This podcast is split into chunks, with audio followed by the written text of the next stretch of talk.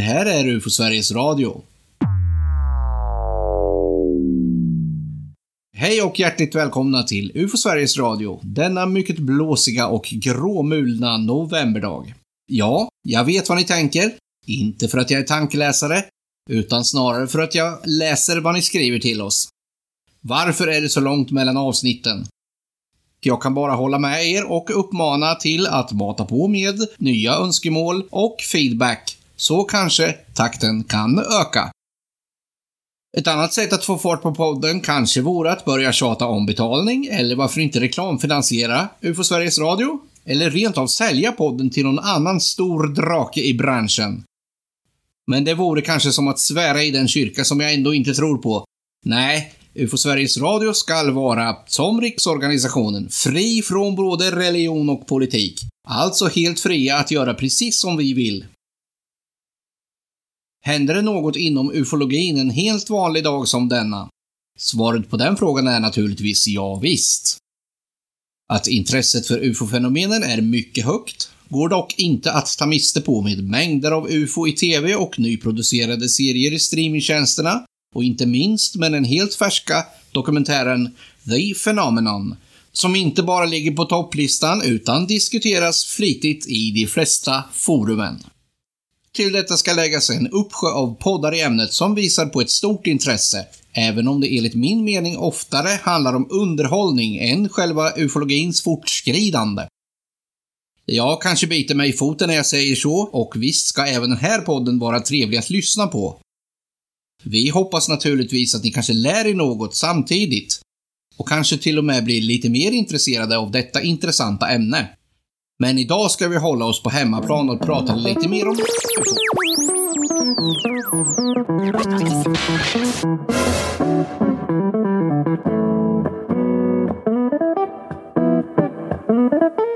Mitt namn är Tobias Lindgren och du lyssnar på UFO Sveriges Radio.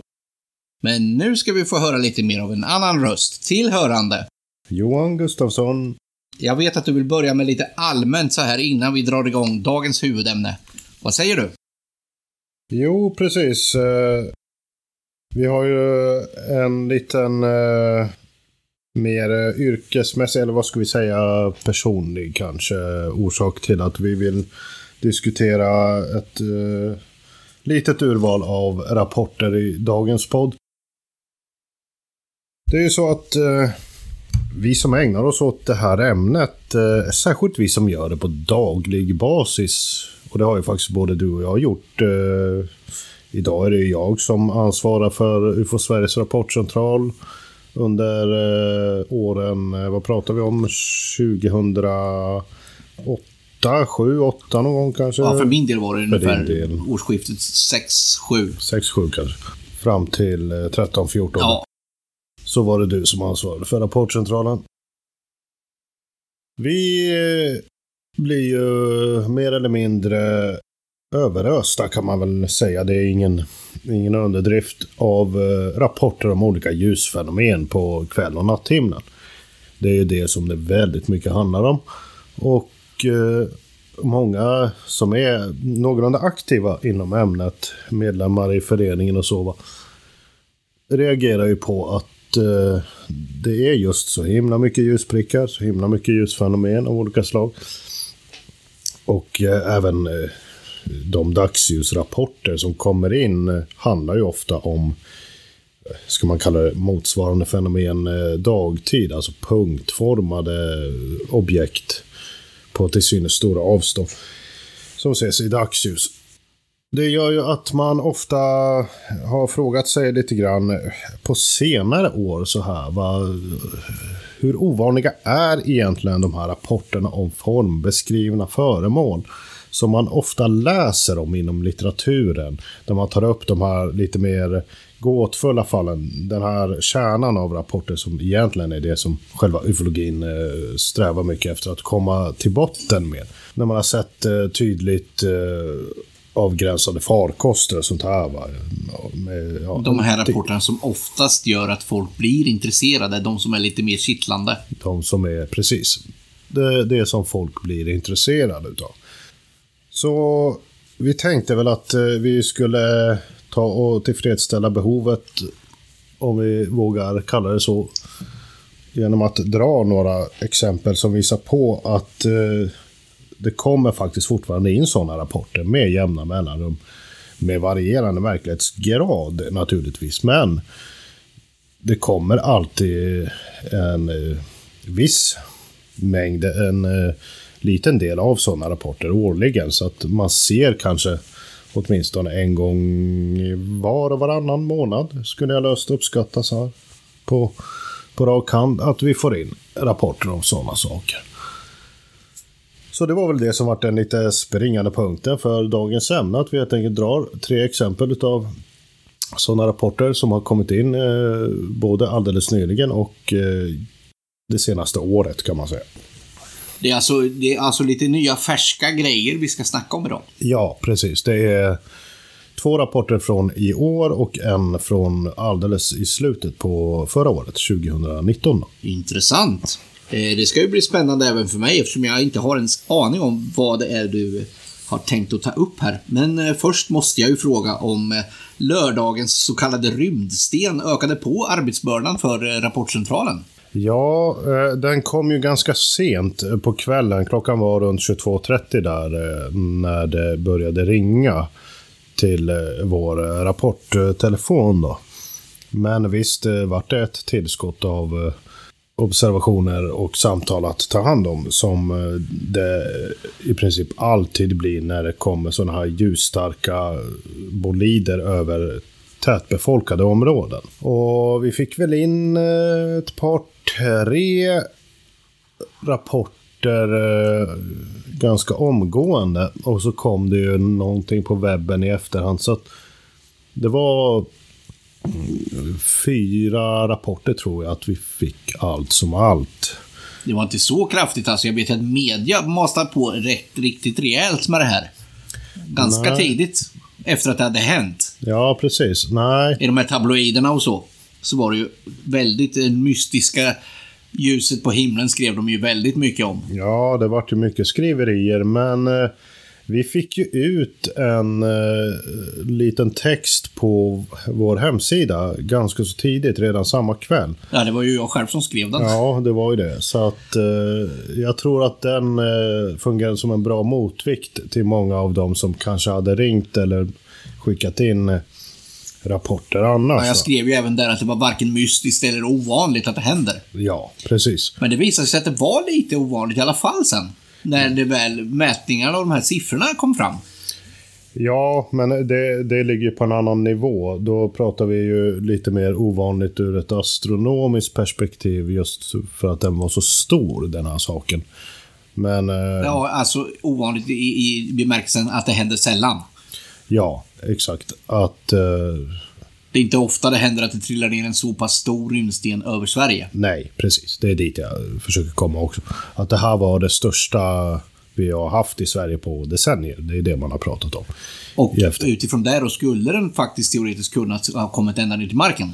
Ja, det verkar ju inte alls eh, helt osannolikt. Eh, och med tanke på att vi har haft eh, andra sådana här ljusstarka bolider under föregående år här de senaste åren som eh, sannolikt har nått ner till markplan. Som ju då på grund av de här uppskattningarna måste vara, ha varit mindre. Va? Eftersom den här då var större än det vi haft på decennier så måste de mindre stenarna som kommit in på senare år och också blivit väldigt ljusstarka. De måste vara mindre och ändå ha nått backen. Va? Så att eh, då kan man ju tycka att det, det, den här kan ju förväntas ha slagit ner den också. Sen har ju vi fått lite frågor också. En del är ju fundersamma och tänker sig att eh, vad, vad innebär det egentligen? Kommer vi att hitta en stor krater någonstans ute i, i skogen? Men det funkar ju inte riktigt så. Va? Det, det, är ju ingen asteroid vi pratar om här, va? utan det är ju faktiskt en meteor och den var väl stor som en fotboll ungefär, hade man eh, sagt, eh, vill jag minnas. Och, Någon siffra hade ju sagt att den vägde flera ton. Ja, att den skulle ha vägt eh, nio ton. Så jag, jag, är inte helt hundra på huruvida man har korrigerat de här mm, storleksuppskattningarna i efterhand eller ej. Ja, för det är ju Men- teoretiska beräkningar Ja. det handlar om. Precis. Det man har är ju hastighet och vinklar och sånt. Ja. Man har ju goda förutsättningar för att kartlägga de här grejerna idag. Man har ju kameranätverk. Och det, det var ju lite oturligt så för det svenska nätverket. För när man kollade på sammanställningen så var det ju faktiskt till allra största del kamerorna i Norge, Danmark och Finland som kartlade den här stenen. För över de svenska kamerorna var det ju molnigt. Nästan över allihop. Det var en kamera som såg det som var med i mätningarna där. Vi såg jag på sammanställning. Kameran i Växjö vill jag minnas att det var. Men då Men, desto fler vittnen på marken. Det var ju massor med människor som såg den. Och eh, den fångades ju på bild på övervakningskameror och sånt där. Dashcam bland annat. Ja, precis. Men eh, när de här eh, stenarna når backen så gör de ju i regel det i små fragment. Va? De kommer inte ner som en stor klump utan det är små bitar som slår ner lite i ett, eh, över ett område. Så. Och det ska ju väldigt mycket till för att de ska orsaka någon skada eller träffa någon eller så. Va? Det är ju mindre sannolikt. Det ska ju, då ska man ju ha en o, oerhörd otur.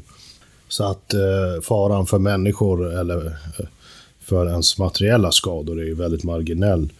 Ja, Det- i teoretiskt obefintlig skulle jag väl säga. Ja, då är det ju större chans att det uppstår skada till följd av det vi såg i Ryssland för flera år sedan, nämligen på grund av ljudbangen och, och den effekt som kan komma sig där. Då. Och det hade ju folk upplevt här, att det vibrerade lite på backen. Och det kan ju göra att fönsterrutor eh, spricker och sånt. Men eh, de, den var ju så, så oerhört mycket större, den grejen som gick in där. Så även, även de riskerna är ju väldigt, väldigt små. Men eh, ett fascinerande händelseförlopp får man ju säga när man tittar på filmerna i alla fall. Oerhört Ja, absolut. man kan ju verkligen tänka att, att folk blir fascinerade av eh, fenomenet som sådant. Naturligtvis. Och att det ger svallvågor ända in i UFO Sveriges rapportcentral. Men det kanske inte är de som vi i första hand vill ha in. Eller? Vill vi ha Ja, allt? vi vill väl ha in allting ändå. Även om eh, vi eh, sorterar ut mycket så är vi ju tvungna att ta emot allting om vi ska få in guldkornen. Så att allting måste rapporteras till oss. Sen eh, kan man ju tycka att folk som eh, nu har sett den här rymdstenen och förstått vad det var för någonting i efterhand, de behöver kanske inte höra av sig till oss. För att de har förhoppningsvis redan fått svar. Så länge folk ser någonting som de ännu inte har förstått vad det är så vill vi ju att de skickar in det till oss. Men det är ju lite andra rapporter som eh, triggar vårt stora intresse i det här ämnesområdet. Så vad säger du, ska vi börja blicka över på de här tre Ja, det exemplen tycker jag. Det ska jag bli har? spännande.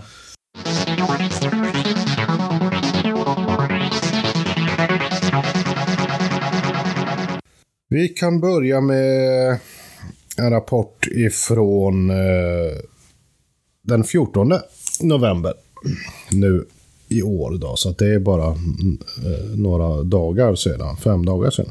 Den eh, ägde rum i Ulricehamn. Det ligger ju mm, ja, inte så långt från Borås som folk kanske vet Ja, om. mitt mellan Borås och, och Jönköping skulle jag Ja. väl säga ungefär så. Ungefär där, de krokarna. Och det här ägde rum då klockan eh, 22.25 på kvällen på ett ungefär. Det är en, eh, en man, han är ute med sin hund och går i, det, det är ett eh, vanligt sånt här villaområde kan man säga va, i staden. Då ser han eh, någonting på avstånd eh, först då som eh, kommer rakt österifrån och färdas eh, lite grann emot honom och så. Va? Och han, han tror ju först att eh, det här är just det vi precis pratade om, nämligen en, en meteor. Va? Ja, det går fort alltså.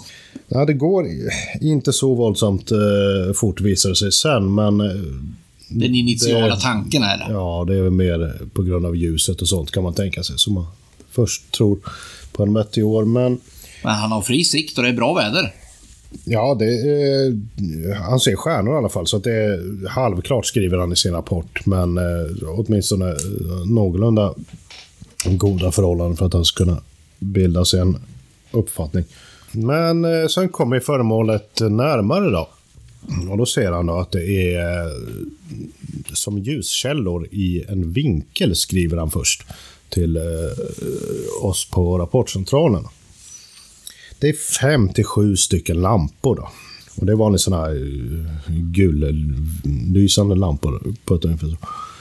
Som eh, kommer i en formation så va. Och när jag mm, har medkontakt med personen sen då så mm, ger han en eh, lite tydligare beskrivning av hur eh, de här ljuskällorna är orienterade, placerade. Så han skickar en illustration som han har gjort och där ser man en ganska tydlig V-formation kan man säga, nästan som en triangel. Då. Ljuskällor i eh, ja, två, två linjer då, som man kan säga, som en plogformation. Så det, det är som ett V med ljuskällor längs med de här två sidorna. Och eh, den kommer eh, som sagt då österifrån och passerar förbi hans synfält. Va? I höjd med det ungefär kan man kanske snarare säga. Inte rakt över honom? Nej, utan eh, han illustrerar, han har visat hur han såg det här på, på en eh, bild då, som han har tagit över området. Och då går de här ljuskällorna, föremålet, i, som en bana framför honom. Så att det passerar inte i någon, någon senit över honom så, utan går över... Och, och då har han näsan åt ett visst väderstreck? Mm. De kommer från öster och han tittar ju då norrut, va? på ett ungefär. Först kommer de ju mer rakt emot honom, så då går han ju och tittar eh, österut. Då.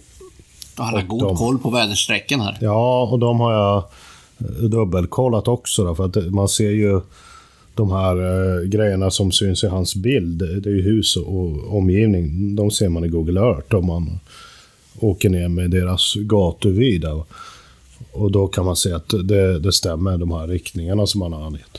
Ja, för det är inte alls ovanligt att man råkar ta miste på väderstreck. Det brukar vi ju... Nej, absolut inte. De, de eh, får vi ju ofta ta med en nypa salt.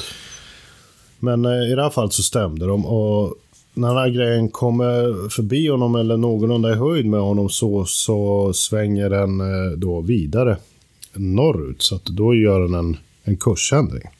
Och rör sig bortåt, försvinner så småningom ner bakom terräng då. Så att han tappar den, kan man säga, bakom sin horisont. Och den är ju inte... Alltså den sjunker alltså inte, utan den fortsätter bara bort och försvinner med avståndet? Ja, det naturligtvis svårt att veta uh, exakt vad som... Men det är den känslan det, men det, han förmedlar. Det, ja, det är det intryck som, som jag får när jag, när jag tittar på, på den här illustrationen. Och eh, det går eh, någorlunda eh, fort här. Han har gjort eh, ganska så detaljerade uppskattningar av hur eh, stor del av himlen som den här grejen passerar. Då. Han pratar om att eh, den rör sig ungefär över en 17 centimeter på, på himlen.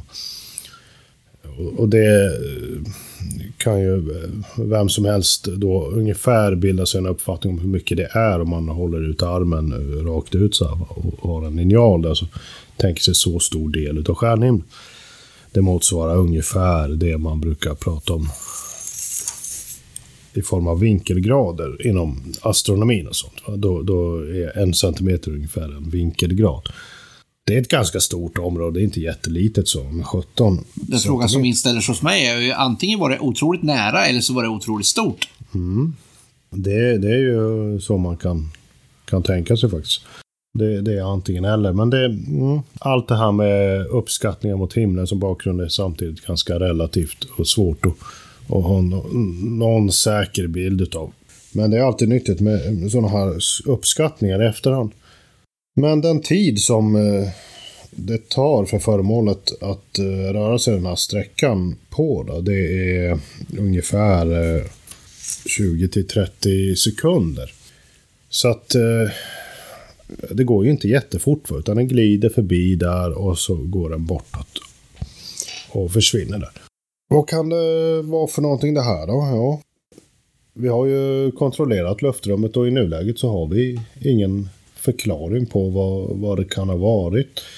Vi har inte lagt sista handen vid den här rapporten än, men... Eh, den är ju väldigt färsk. Den är ju väldigt färsk och eh, den är inte helt färdigbearbetad, men eh, ofta så när man har att göra med den här sortens eh, iakttagelser, det är en rad ljuskällor knutna till vad som uppenbart är samma föremål, vad kan man säga här? Det, det verkar absolut inte som att det rör sig om en formation av fristående, fristående föremål, utan det, allting i beskrivningen talar för att det är ett och samma. Det är ganska påtagligt stort i synfältet, rör sig inte över något jättestort område utan korsar en begränsad del av himlen i ganska normal hastighet. I de fallen när man finner felkällor så brukar det ju ofta röra sig om ordinär flygtrafik va, som folk har sett. Givetvis i dagens läge med alla drönare som finns på marknaden så blir de vanligare och vanligare men jag skulle fortfarande säga att flygplanen är vanligare att folk tar fel på i, den här sortens rapporter. Men eh, några sådana finns inte över det här området vid den här tiden. Så man kan säga att vi, eh, enligt min mening i alla fall, så här långt har kunnat utesluta den vanligaste felkällan för den här sortens rapporter. Och Ja, det framstår just nu i alla fall som att eh, vi kommer nog inte riktigt komma i hamn med den här grejen. Utan den, den verkar förbli ouppklarad. Höjd. Har han någon tanke på hur högt den här skulle flyga? Ja, han har, ju gjort uh, lite uppskattningar och han tror att uh, den befann sig på någonstans mellan 600 och 1000 meter. Så att uh, och, det... och, i det läget, om det skulle ha varit ett vanligt konventionellt passagerarflygplan, då kanske ett ljud skulle kunnat vara i närheten. Ja. Det, Men? Det kan man ju tänka sig. Det fanns inget ljud här. Men eh, samtidigt så... För det första ska man ju säga att de här höjdangivelserna som kommer in i den här sortens rapporter, de är ju tyvärr inte mer än okvalificerade gissningar. Det, det dessvärre så våra sinnen är lagda. Va? Att vi kan inte riktigt avgöra sånt. Men om det stämmer så kan man nog tänka sig ett, att ett ljud skulle ha hörts. Även om det finns faktorer som Men det kan... bidrar ju också till att ett, ett avsaknaden av ett ljud oftast i bland allmänheten gör det mer mystiskt av någon anledning. Så är det ju. Och då tänker man att avsaknaden av ljudet skulle kunna bidra till att man rapporterar en rapport som ännu mer mystisk. Ja. Ja, men men ljudet kan, vara, ljudet kan ha försvunnit av helt andra orsaker. Det kan det. kan ju vara motvind eller det kan ju vara... Precis. Vindar, lufttemperatur, låga motorvarv. Det är mycket som kan göra att eh, ljudet faller bort från ett flygplan eh, på en viss plats. Ja, nej, men det där är ett av de färskaste exemplen som vi har just nu av... En... Men det är alltså uppföljning på gång? Ja, eh, som sagt, vi ska lägga sista handen vid den här rapporten och det har vi inte gjort än. Så att eh, sista ordet är trots allt inte sagt. Intressant. Hade han någon egen teori om vad det skulle kunna vara då? Nej, han eh, förstod inte vad det var för någonting. Han pratade ju själv också om sådana här drönare i sin rapport. Men det är mer på frågeplanet. Att han ställer frågan till oss. Kan det här ha varit en sån här eh, elektrisk drönare, skriver han i sin rapport. Men eh, nej, någon egen konkret idé om vad det skulle varit, det, det har han inte kommit med. Då har han ju vänt sig till rätt instans då för att vi ska hjälpa till att reda ut det hela. Absolut. Även om vi inte ännu har gått i mål i det här fallet. Ska vi fortsätta till eh, nästa rapport?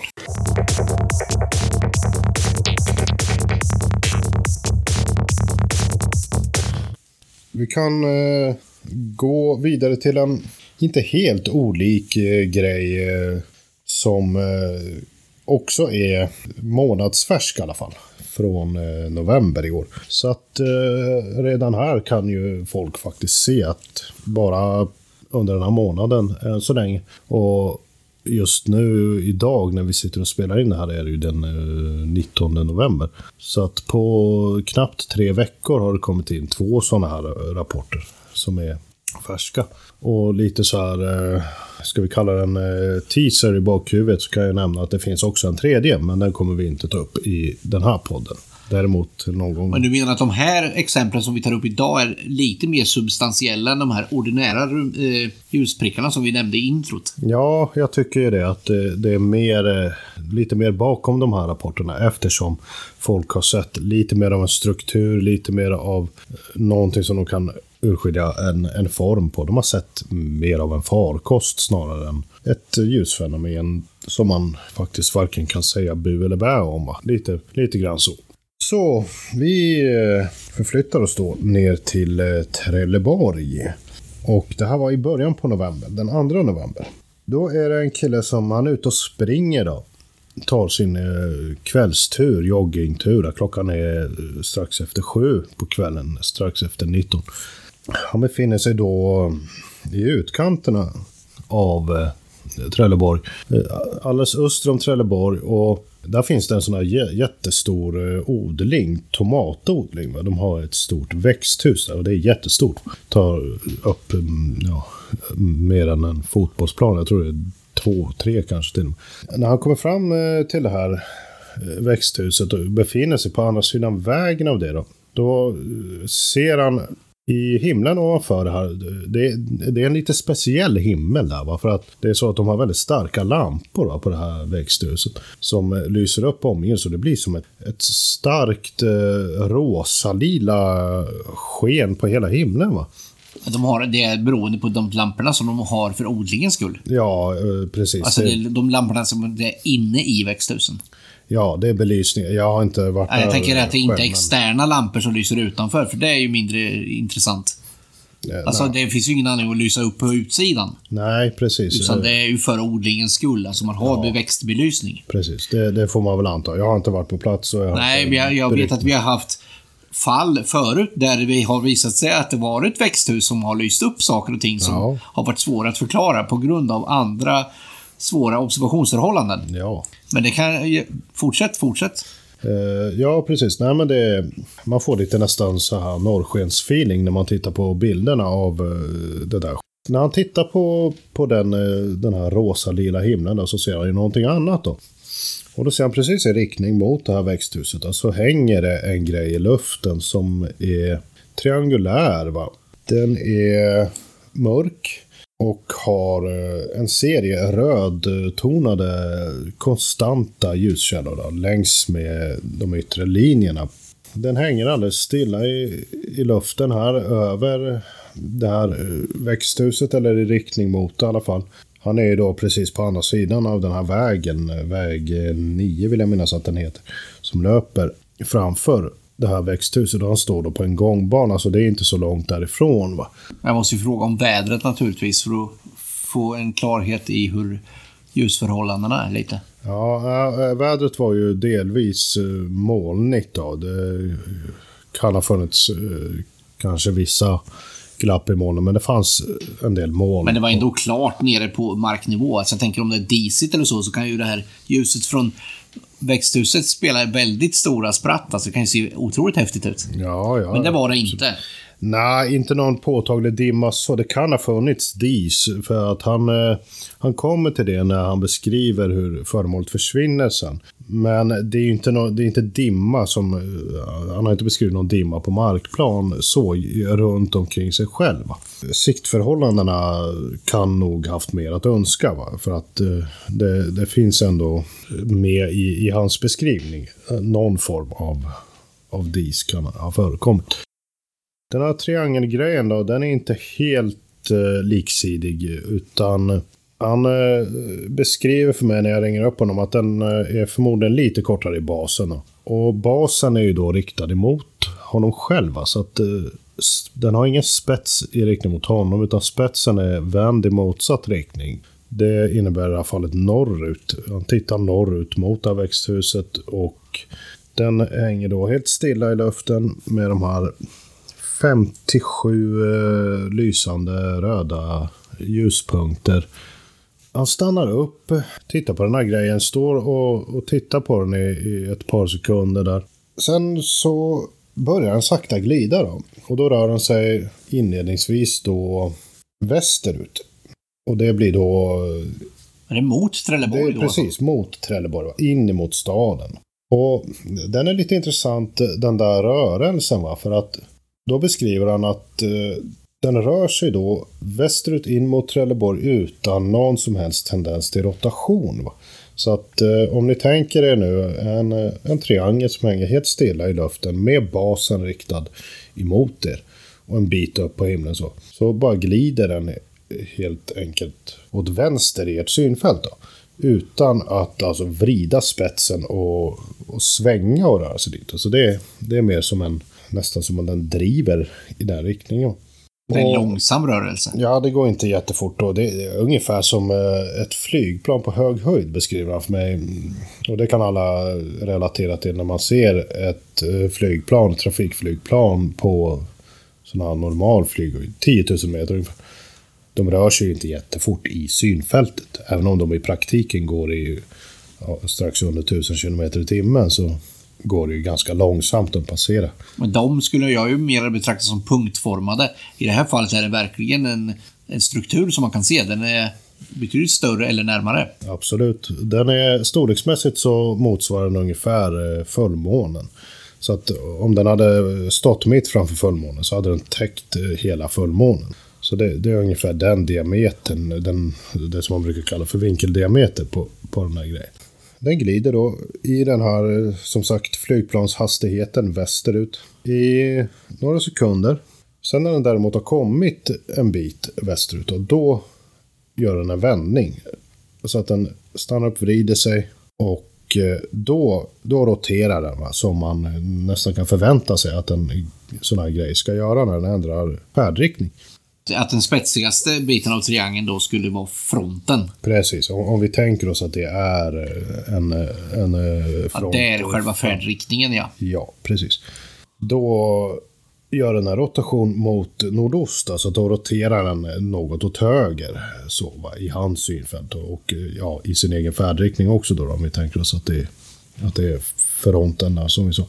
Och sen så gör den då en, eh, en ny gir, så att den, eh, eller efter giren så gör den ett nytt riktningsbyte och så färdas den eh, bortåt åt nordost då istället. Så att det är ju då snett åt höger i, i den här personens synfält. Och då ökar den hastigheten däremot till ungefär uppskattningsvis nu det dubbla från vad den gick i innan här. Och då är det mer än en glidning. Ja, då blir det ju lite mer om man tänker sig det som vi pratade om här, ett flygplan på 10 000 meter och dubbelt så mycket. Då kan man se den försvinna bortåt i flera sekunder till. Sen så når det här föremålet då, molnen. Vi Vet inte riktigt om den gör en stigning för att komma upp i molnen eller om den eh, helt enkelt når fram till, till ett molntäcke. Men den gör aldrig någon, någon synlig stigning så, så att höjdvinkeln på den ökar eller någonting sånt. Utan den, den går till synes horisontellt så att det verkar vara kanske mer troligt att den går in eh, i flyger in i ett moln snarare än att den rör sig upp i ett moln. Just på den punkten då, när det gäller hur föremålet försvann, så det är där observatören pratar lite grann om dis då. Att den går in i moln eller möjligtvis försvinner in i dis. Va? Ja, han ser att den fejdar bort, utan det är inte så att den slocknar. Nej, utan, Utan det, den- det ja. är mer att den, den går in i eh, ett molntäcke. Dis är ju egentligen också moln, så det är ingen större skillnad så. Man ser den här grejen i totalt en 15 sekunder ungefär. Har hon uppskattat. Också den här grejen är ju eh, lite intressant för oss så, så vi har jobbat lite grann med den. Vad, vad kan man tänka sig här? Min spontana tanke går ju även i det här fallet till någon form av eh, flygtrafik, eh, eventuellt drönare, på samma sätt som vi spekulerade här innan. Här eh, finns det ju lite parametrar att jobba med däremot som har gått att utröna när det gäller just hur långt bort det här föremålet kan ha varit. För det är alltid lite tacksamt när man har den här molnbasen som ligger över föremålet. Va? Som vi ju då uppenbarligen har i det här fallet eftersom den går in i, i molnbasen. Så det ligger antingen jämsides med eller ovanför föremålet. Och vi kollade ju eh, flygtrafiken här då. Och det finns eh, lite kärror som går över det här området. Vi har bland annat en helikopter som går några kilometer. Eh, det är 17 kilometer vill jag minnas norr om eh, staden då. Men den går eh, på 500 meters höjd och eh, rakt åt nordväst och svänger definitivt inte åt nordost. Så att den har vi kunnat avfärda för den stämmer inte med, med riktningen. Och så går det lite flygplan över området men eh, de flyger söderut allihop. Stämmer inte heller med det han har sett. Sen har vi ett gäng kärror som går åt eh, nordost, alltså den riktning som den här grejen försvann åt. Men eh, de går för det första på ganska stort avstånd. De går över eh, Öresund då, så att de, de är en bra bit västerut. Vi har ju kunnat eh, avfärda, jag skulle säga all den flygtrafik som vi har hittat i, i de kontroller som vi har gjort här. Dels så talar avstånd och eh, höjd och sådana faktorer starkt emot att det skulle vara någon av de här, något av de här flygplanen som man skulle ha sett, för de är inte på något vis ögonfallande över området. Som jag sa tidigare så är ju molnbasen ett eh, användbart eh, verktyg för att eh, konstatera ungefärlig höjd eller åtminstone maxhöjd på, på ett föremål över ett område. Vi har ju kollat upp den och, och SMHI har ju lämnat besked om att eh, molnmängden var, den var 88 procent över Trelleborg den här kvällen. Så att det, det är nästan heltäckande. Det, det är lite glipor i molnen här. Eh, månbasen över land då, låg på 860 meter. Och så har vi en måntopp på 3554 meter. Så att det, det rör sig om ett väldigt tjockt molntäcke där på flera tusen meter. Utifrån de uppgifterna så talar ju allting väldigt starkt för att uh, den här grejen befann sig då på som mest 800, ja, kan man säga, 55 meter eller någonting sånt. Strax under molnbasen. Det är bland annat på grund av det här väderläget som vi också kunnat utesluta de här flygplanen för att de går betydligt högre än 860 meter, de flesta utav dem. Det är i princip bara den här helikoptern som, som går lägre än så och den går ju åt helt fel håll då. Så att den, den stämmer inte den heller. 17 kilometer är väl inget riktigt man ser på ett bra avstånd. Nej, det, det är ju alldeles för långt. Och på 500 meters höjd, 17 kilometer, jag vet 17 om den är så synlig över horisonten. Det är ju, då ska man ju ha väldigt fri horisont i sådana fall. Om man ska kunna se den. Och Men det är ju platt där nere. Det är ju platt i Skåne i och för sig. Det är inte som uppe i Skanderna direkt. Nej, den här helikoptern eh, kan vi med, med största säkerhet glömma i det här fallet. Hur är det med drönare då? Kan det ha varit en drönare? Ja, du flyger lite drönare själv. Ja, absolut. Jo då. Men vad säger du om att ta din eh, drönare och dra upp den till 860 Nej, det, meter? det, kan jag, det kan man ju glömma. Ja, eftersom det här föremålet då går in i molnen så befinner det sig eh, åtminstone i det skedet på ja, över 860 meter då som det verkar. Det gör ju oftast inte drönare, även om det finns drönare som eh, kan eh, gå på ganska höga höjder. Det finns ju drönare som har en... Jo, om du fortfarande ska se den på den höjden måste det vara en enormt stor drönare. Ja. Redan på 100 meters höjd så blir det de här vanliga hobbydrönarna som, som, man, som vanligt folk har råd att köpa och leka med. De, de är ju så små i synfältet så att det, Ja. Vet du inte var Tappar du bort den, bara det minsta lilla, så hittar du den inte rent med ögonen. Nej, de är, de är ju så små. Möjligen i mörker då, med massa lampor och grejer och så, men, men eh, de blir väldigt små. De blir ju det. Och sen är det så också att eh, de är ju inte gratis de här drönarna. De kostar en ganska ansenlig summa. Särskilt om man ska ha de här som har en, en god flygkapacitet och kan gå upp på höga höjder. Att flyga in med eh, en drönare i molnen eh, i mörker nattetid, det är ganska vågat. Va? Man vill ju gärna ha uppsikt över dem. Så att, eh, Ja, det är som det jag sa i en annan podd vi gjorde angående modellflyg. Det är inte seriöst. Alltså, det finns inte på kartan att någon skulle göra det Nej, av, av, med flit. Alltså, det är ju möjligen om någon skulle tycka att det är coolt att testa, men nej. Ja, nej, det, det känns... Man, och särskilt en sån som jag tänker med en, en yrkesmässig kamerarigg eller något liknande som har en stor kapacitet. Den skulle de aldrig våga utsätta för en sån övning. Nej, det, det är väldigt vanskligt att ägna sig åt sånt. Jag menar, vanliga flygplan undviker ju ibland att flyga genom molnen. Och då vill man ju... Då, Ja, ja, inom en- flyget så finns det ju, vad heter det, det här med, som man kallar för vackert väderflyg, de som flyger med visuella regler. Ja, Ja, de får ju inte ens flyga i molnen och särskilt inte under mörker. nej. Nej, Och de har ju en, en annan kapacitet än drönarna. Så att, eh, ja verkligen. Och även om man skulle flyga med en drönare via kameran då visuellt så du tappar ju hela konceptet då när du flyger in i ett moln. ja. Nej, det, det, framstå framstår som väldigt långsökt.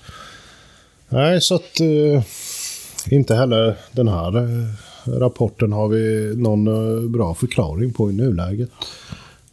Det är svårt att, att, förstå vad han ska ha sett här faktiskt. För att det, det finns ingen flygtrafik som vi, vi har kunnat Men se. jag tänker på det här området. Det rörde sig ju först åt ena hållet och sen tillbaka åt andra hållet. Hur mycket lång sträcka är det till, den tillryggalägger på de här tidsenheten då? Eh, Det blir ju inte jättestor sträcka. Om man tänker sig eh, ett vanligt flygplan eh, i, i den hastigheten va, som de går på där uppe. Och ett par sekunder ska du räkna då bara. Va.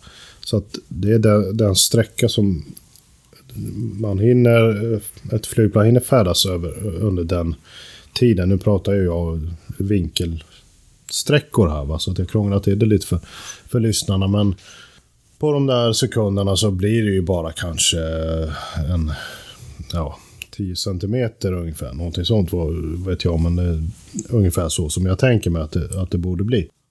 Så att det, det är inte något jättestort område, men det är inte jättelitet heller. Va? Men om man Sen- tänker sig att det hade varit en vanlig trafikkärra, då hade det här området absolut inte räckt till. Då hade den tillryggalagt det här lilla området på alldeles för kort tid. Ja, om den var på den här höjden. eh, Ja, ja. Alltså under, under de här 860 meterna.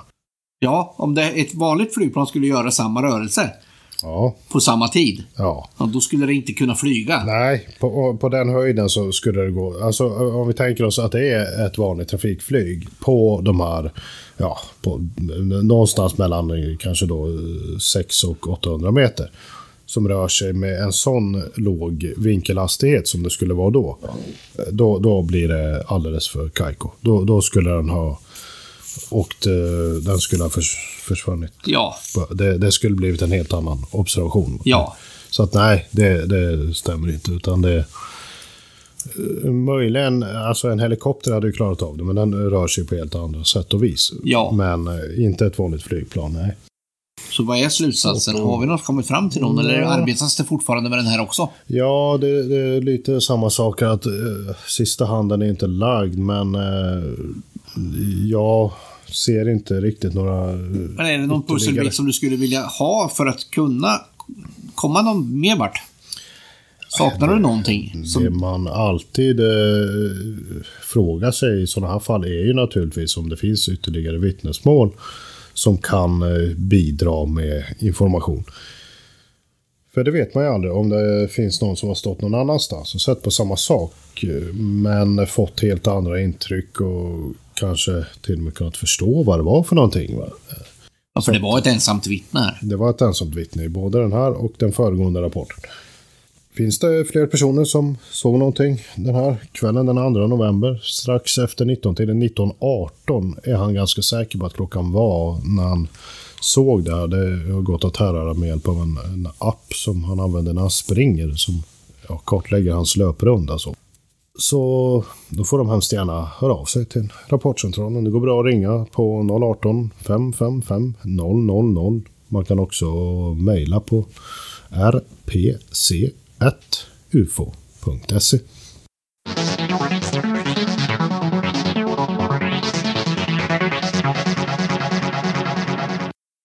Är vi fortfarande kvar i Sverige nu när vi ska ta oss till den sista rapporten?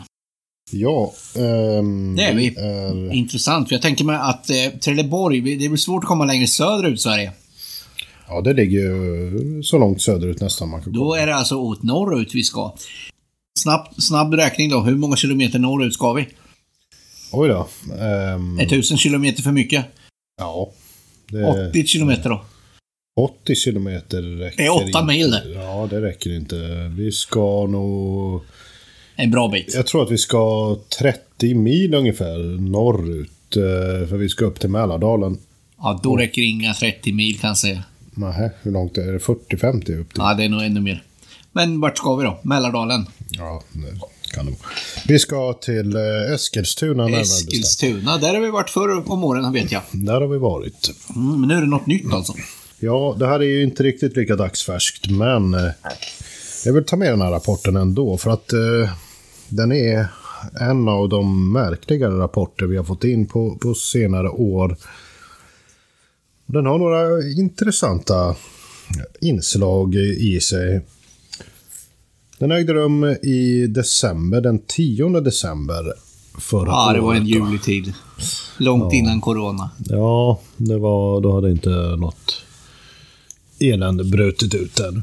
Nej, då var vi fortfarande ovetande. Men fortsätt Ja det här är en, en kvinna då. Hon eh, bor relativt centralt i, i staden.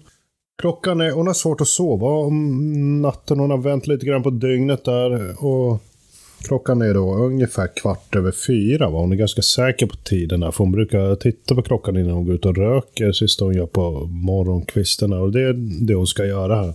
Så hon går ut på, på sin balkong. Det är en sån här liten fransk eh, balkong som man bara står och, och lutar sig ut. Hon står där en, en liten stund, ett par minuter till och med, innan hon eh, får för sig att hon ska titta upp. Då. Hon, får, hon beskriver som någon slags ja, känsla av att det är någonting där. Så då tittar hon upp och då ser hon över grannhuset då, hur det hänger en, en väldigt stor grej. Va? En rund och svart sock.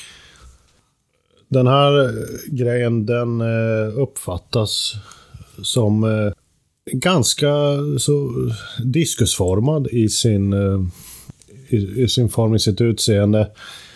Det är ändå inte helt som en vanlig sån här diskus som jag eh, sett eh, så många exempel utav genom åren och som vem som helst kan googla fram eh, den mest traditionella bilden utav. För att den är lite kantig den här saken. Va? Den har små vinklar på sig som hon Den är inte rund alltså. Jag tänker mig ett klassiskt flygande tefat så. Nej, den, den har ju den formen ungefär, va? men den är, ytan är inte helt slät och helt symmetrisk rakt över. Va? Utan den, den har som vinklar på sig som... Att det, Och det kan man, det kan man se. det kan hon se. Hon, Eh, jag tänker på att det är, det är december, mitt i natten. Ja, Och den här ser du, den är svart. den är Och så. man kan ändå se den är, det, är, det är gatlampor och sånt som hjälper till och lyser upp den här. Alltså. Jag tänker i kontrast mot natthimlen om det Precis. är mörkt. Precis, jo, det, det är ju en tanke man får eh, när man eh, läser en sån här rapport. Och eh, det kunde jag ju naturligtvis inte låta bli att fråga henne om när, när jag intervjuade den här tjejen heller. Men eh, hon beskriver alltså den här grejen som, som svartare än svart ungefär. Den, den är jättesvart på något vis. Så att trots att det är decembernatt så står den ut i tydliga kontraster mot sin omgivning. Va? Alltså den är mörkare än omgivningen. Ja, den är mörkare än himlen i december. Sen naturligtvis så är det ju som du säger att eh, det är ganska centralt. Det är, hon uppfattar den här på väldigt låg höjd. Va? För att hon bor i ett sånt här flervåningshus. Och eh, det är som en innergård och sen är det ett eh, likadant hus ungefär på andra sidan gården. Och hon uppfattar det som att den här hänger över taket. Där, va? Så det är bara några tiotal meter bort som hon upplever. Och en stad är ju aldrig mörk. Nej, den är ju inte det. Utan det är ju... Men det reflekteras någonting i den här. Nej. Ingenting reflekteras mot ytan på den här grejen. Utan den Så är... hela siluetten av den här är svart. Allt är svart. Men de kan ändå se detaljer. Ja. Det är bra. Det är... Ja, precis. Det...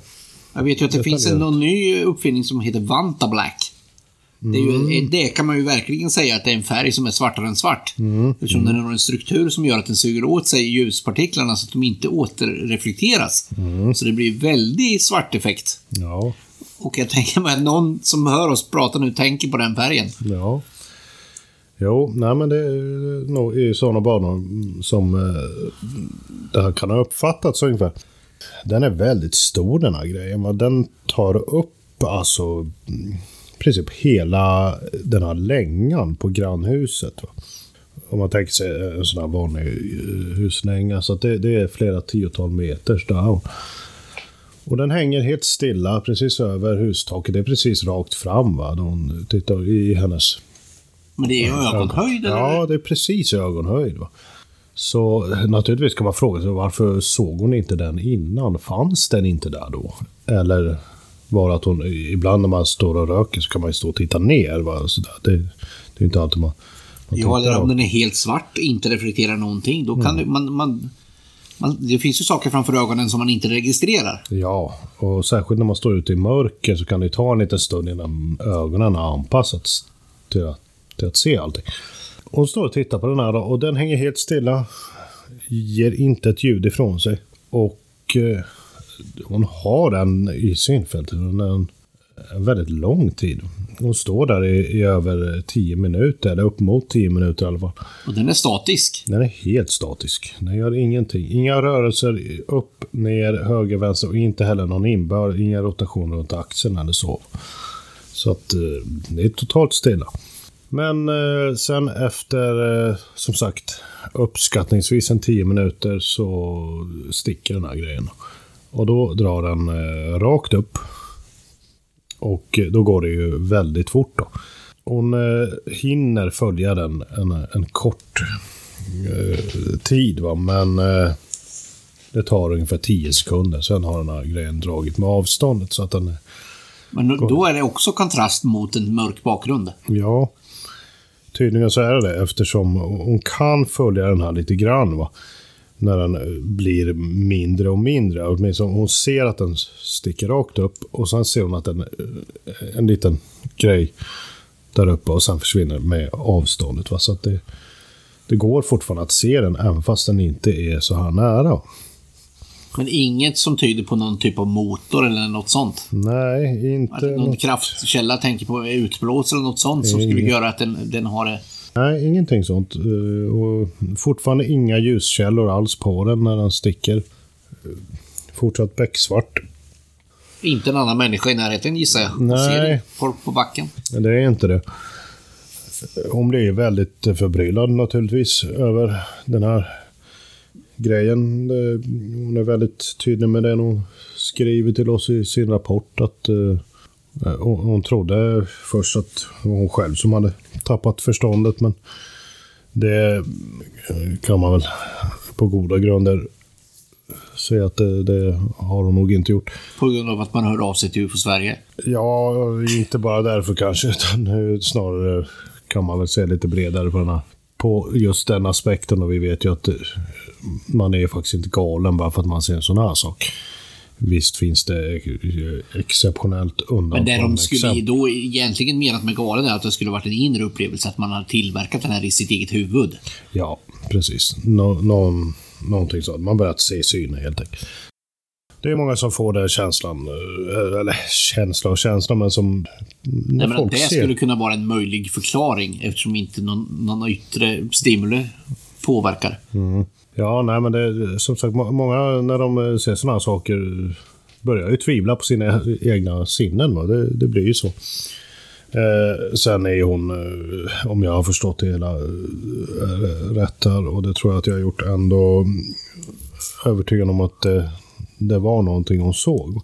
Hur är det med den förklaringen? Ja, det, det är nog eh, inte helt lätt att att lägga en sån förklaring till handlingarna i det här fallet, även om eh, det är, det är svårt med ensamma vittnen och den här sortens påtagliga observationer. Så anser inte jag att det finns några belägg för att det här ska ha varit en inre upplevelse. Utan vi vet ju utifrån så många tidigare exempel att folk brukar faktiskt ha sett någonting. Även om det kan vara en misstolkning, någonting de har tagit fel på, så man brukar ha ett, som eh, du sa, ett yttre stimuli av något slag. Det är det allra vanligaste.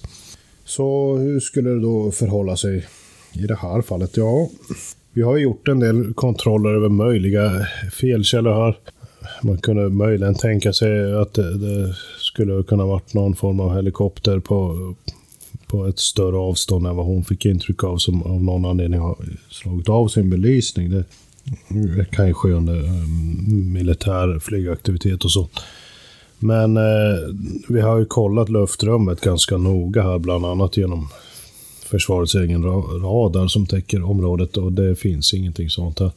Mm, jag tänkte möjligen någon form av ballong eh, som har blivit drivande och kanske rört sig mot observatören under en period och sen kan den få sig en knuff om den kommer över eh, en ventilationstrumma med något varmt utblås eller någonting så kan den få sig knuff i höjdleden. Så. Men eh, några ballonger har vi inte kunnat styrka att det har funnits över det här området. Vi hittar egentligen ingenting när vi, när vi kontrollerar luftrummet över det här området. Det finns inga felkällor att, att sätta fingret på. Det finns inte heller några bekräftande eh, Eh, ekon på, på eh, de här primärradarstationerna som täcker det här området. Eh, och när jag, när jag säger bekräftande så ja, pratar jag ju då om någon, någon form av radareko som skulle överensstämma med det hon har sett. Någonting som står stilla över området där och sen rör sig rakt upp. Så vi har varken kunnat förklara eller bekräfta observationen genom de undersökningar som har gjorts. Det är en helt vanlig tjej som har gjort den här observationen. Jag har intervjuat henne över telefon. Jag har i och för sig inte träffat henne personligen. Men eh, jag får inga som helst avvikande intryck av henne när jag pratar med henne. Det låter som en vanlig tjej vid sina sinnesfulla bruk. Men det är ju, det är ju en relativt informationsfattig händelse, men det är ett svart mm. föremål som står över ett tak mm. som gör ingenting. Och är ovanligt stort. Ja. Det som är i synfältet, precis där det här föremålet är, skulle kunna vara en lucka i terrängen längre bort som spelar en ett spratt. Alltså någonting är jättesvart fast det är lång, längre bort och man får uppfattningen om att det är mycket närmare. Men du, är tanken? Du tänker dig någon... Ja, jag tänker mig, man, man ser någonting. Ja. Ett, ett, ett, terräng eller någonting. Ja, precis. Och så i den terrängen, fast längre bort, så är det kanske det är ett skogsparti som är fullständigt svart. Mm. Runt om är det lite lampor och lite sånt Men just där är det kolsvart. Mm. Och då får de, får de en illusionen av att den här svarta terrängen där det är mörkt, att den är mycket närmare. Ja. Och då får, och då i, i personens perception då så projiceras den ovanför hustaket. Ja, alltså så fastnar man lite i den tanken om att det här svarta är inte där borta där det verkligheten är, utan det är närmare. Ja, eh, perspektivmässigt eh, så kan man ju då tänka sig att det skulle vara någonting som ja, vinkelmässigt i höjdvinkel från hennes perspektiv då hamnar ungefär i takhöjden eller ja. kanske till och med strax över den. Och någonting då som står i tydliga kontrast mot annan omgivning där. Ja, hon kommer inte ur den tanken. Det är ju mm. som om man tittar på en sån här 3D-figur. Ofta ibland i sådana här IQ-tester och grejer. Man kan se den från ena vinkeln, men man kan inte... Man fastnar i ett perspektiv. Ja, ja. Jo, och, och, man kan ju bli lite fokuserad i saker och ting man ser ibland och bli lite nästan som absorberad.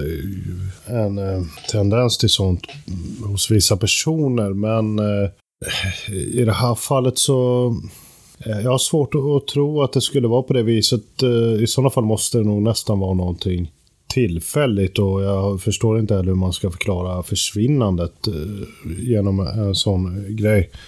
För att hon bor på den här adressen. Hon är ofta vaken om nätterna. Hon är väldigt van att observera sin omgivning utifrån den balkongen. Det, det gör det ju svårt att, att se att hon helt plötsligt skulle ta så här fel på någonting som finns där hela tiden och som hon har sett kväll efter kväll. Så då, då måste vi ha någonting nytt på plats. Men, Ja, eller om det är så extremt naturligt så att man aldrig funderar på det förrän man första gången råkar ut för det. För då, då menar jag att då skulle det kanske komma tillbaka igen. Och det har det aldrig gjort. nej, Nej. inte så vitt vi känner till i alla fall. Nej, jag, har- jag har svårt att, att få ihop det. Men du tror eh, eh, besök på platsen och att vi skulle kunna få se den här vyn, att den skulle göra någonting. Ja, Skulle det kunna vara intressant att se det här på dagtid och veta exakt hur området ser ut? Skulle geografin runt omkring kunna ge någonting? ja, eh, det vet man ju aldrig eh, om sådana Finns det något tecken på att det skulle kunna vara platsbundet? Nej, inte som, eh, som jag kunnat bedöma utifrån eh, beskrivningen i rapporten. Naturligtvis så, så finns det alltid en risk att man blir klokare om man är på plats, om man ser sig omkring i omgivningen. Men eh, återigen, hur ska vi förklara föremåls beteende vid försvinnandet när det sticker rakt upp? Det må, måste nästan vara någonting exceptionellt som har hänt i sådana fall ur eh, misstolkningshänseende. Och, det, det känns väldigt svårt att knyta ihop det eh, med någonting i omgivning på platsen. Det- känns som att vi behöver ett flygetug för att eh, Du, förklara du vill placera något fysiskt på platsen alltså? Ja, i, i, fel, i fråga om felkälla, om vi pratar yttre stimulin, alltså någonting externt fysiskt objekt som personen har misstagit sig på, så vill jag nog gärna ha det till någonting som åtminstone rör sig uppåt i luften. Men det kan, det kan ju vara så att det inte har misstagits utan att det verkligen har varit just det här svarta som hon ser där. Som, som finns där men som vi fortfarande inte har en aning om vad det är. Absolut. Det finns ju, jag, jag bollar ju lite tankar och idéer i den här rapporten när, när jag skrev ihop den. För det finns ju, finns ju lite likheter mellan den här iakttagelsen och, och andra fenomen. Eller andra, andra observationer. För om vi antar det att det, det då är ett sånt här genuint eh, fenomen som då ja, tillhör den här kärnan av eh, rapporter som representerar för oss idag okända eller outforskade fenomen.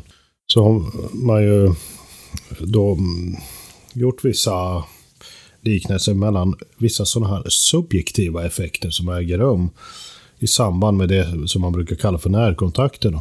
Och det är något som både jag och andra inom föreningen har reagerat över när vi har gått igenom den här rapporten. Att det finns sådana inslag här. Va? Det finns en brittisk eh, ufolog, hon heter Jenny Randalls, kompetent eh, kvinna. Jag tror vi har nämnt henne tidigare i den här podden, inte minst när vi pratade om en, en viss bil som försvann. Eh, hon har myntat någonting som eh, kallas för Oss-faktorn. OZ. Och det, det är någon sån här vakuumeffekt kan man säga, som brukar uppstå mm, i observationer av eh, dels ja, ufo-fenomen då, på eh, ofta ganska nära håll, men även i samband med paranormala upplevelser och dylikt har man sett sådana effekter. Det handlar ofta om att personerna upplever någon slags overklighetskänsla. De har någon slags upplevelse att de kommer in i någon form av vakuum. Det, det är tyst, inaktivt, eh, nästan helt De är sterilt. som i en bubbla där Ja. det yttre bara tystnar och försvinner och man, man, man får inget extra stimuli från något annat. Nej, precis. Så som normala ljud och fåglar och väder och... Mm, hon, hon ger ju flera exempel på sånt där. Man kan nämna exempelvis då att om en person kommer och körandes på en uh, väl trafikerad motorväg en kväll. Va? det är Bilar bakom, kommer bilar i motsatt fil. Helt plötsligt så ser personen då ett föremål strax ovanför vägen som rör sig jämte eller hänger stilla. Och då helt plötsligt så blir det knäpptyst i omgivningen. Det är inga andra bilar alls. Varken framför, bakom eller i i motsatt fil. Och hör inte heller ett ljud ifrån någonting. Inga ljud från bilar i, ja, på avstånd eller så. Ofta så är folk då också ensamma i, i sina observationer. Det kommer inte in andra vittnesmål och sådana här grejer. Så. Och lite sådana inslag har vi i den här rapporten. För jag, jag frågar ju eh, den här tjejen då, mm, hör du någonsin någon antydan till ljud från det här föremålet? de säger nej, det var inget ljud från föremålet, men det var inte bara det hon reagerade över, utan hon reagerade också över att det var precis knäpptyst i hela bostadsområdet. Och visst, klockan var strax efter fyra på morgonen. Det, det är kanske inte så himla konstigt, men hon bor ganska centralt i staden och hon säger till mig att det är ett ganska stökigt område hon bor i. Det brukar ofta vara liv ute. Det brukar inte vara tyst i det här området. Så att det var någonting hon reagerade på som ovanligt, va? att det var så här tyst. Och hon ser inte en människa, hon hör, ser inte en bil, hon hör inte en bil. Det finns ingenting sånt. Och, och vi har gått ut med marknadsföringar på Facebook för att försöka hitta medvittnen till den här observationen. Hon ser trots allt det här föremålet i riktning mot de än mer centrala delarna av staden. Men eh, det är ju ingen som har svarat på det där va? och berättat att de också såg det här föremålet. Så att, eh, ja, det, det finns flera sådana där inslag här som alltså överensstämmer med Jenny Randalls så kallade oss-faktor. Och de kan man ju tolka på lite olika sätt. Va? De kan naturligtvis ses inom ramarna för ordinära psykologiska förklaringsmodeller, men man kan också se dem inom ramarna för ett, som Jenny Randalls har valt att göra, då, som att de är en del av det här okända fenomenet och, och hänger ihop med det. Eller så kan man anta att de hör till varken eller, utan snarare kort och gott berodde på att det var så tidigt på morgonen. Ja, jag tänker mig, om jag hade själv gått omkring på gatan under det här, vad var höjden på det här föremålet ungefär? Ja, vad sa vi det? Ja, med några tiotal meter. Takhöjd på Ja, i alla fall. Och så går man på gatan där och det är sannolikt några lampor nedanför. Och det här är svartare än svart ovanför hustaket. Det är ju helt omöjligt överhuvudtaget se det. Ja, För en, för en vanlig person nere på backen så är det ju helt omöjligt att se det. Ja, om man inte tittar upp. Och du, vet ju inte ens vad du ska se, för det reflekterar ju ingenting. Nej. Och det gör inget ljud. Nej. Det finns ingenting som gör att du kommer att titta däråt. Nej, Jag, när jag går förbi mina egna hus här, jag ser ju, tittar ju aldrig upp på taken. Nej, det gör ju faktiskt inte jag heller. Kan jag... Tittar upp i himlen, men jag tittar aldrig på hus, husen Nej. på det viset. Nej, nej, nej. Det skulle mycket till om man bara råkade skulle få se det. Så är det ju faktiskt. Så att jag tror nog kanske att om det hade varit någon person i närheten så, så är det stor sannolikhet att de missar det. Ja, om de inte råkar... Ja, de måste ha titta- tur alltså, mer eller mindre. Ja, ha kanske flytet som hon hade i sådana fall. Råka... Ja, ja. Få- men hon var ju i ögonhöjd, så där kan Ja. jag tänka mig att det är något större chans. Precis. Alltså, det är nog svårt att få tag i något annat vittne som skulle ha råkat se det. Ja, nej, jag tror inte heller att vi, vi kommer att få tag i någon. Men eh, spännande, måste jag ju säga. Intressant fall och eh, det är ett av de här eh, mer påtagliga fallen som vi har fått in på, på senare år, får jag säga. Vi får väl hoppas att vi får in fler i den här digniteten. Ja, det tycker jag verkligen att, att vi kan. Ja, det är ju betydligt mer spännande än de här diffusa ljusfenomenen som är på långt avstånd som vi inte Ja. överhuvudtaget kan göra någonting med. Nej, precis så är det.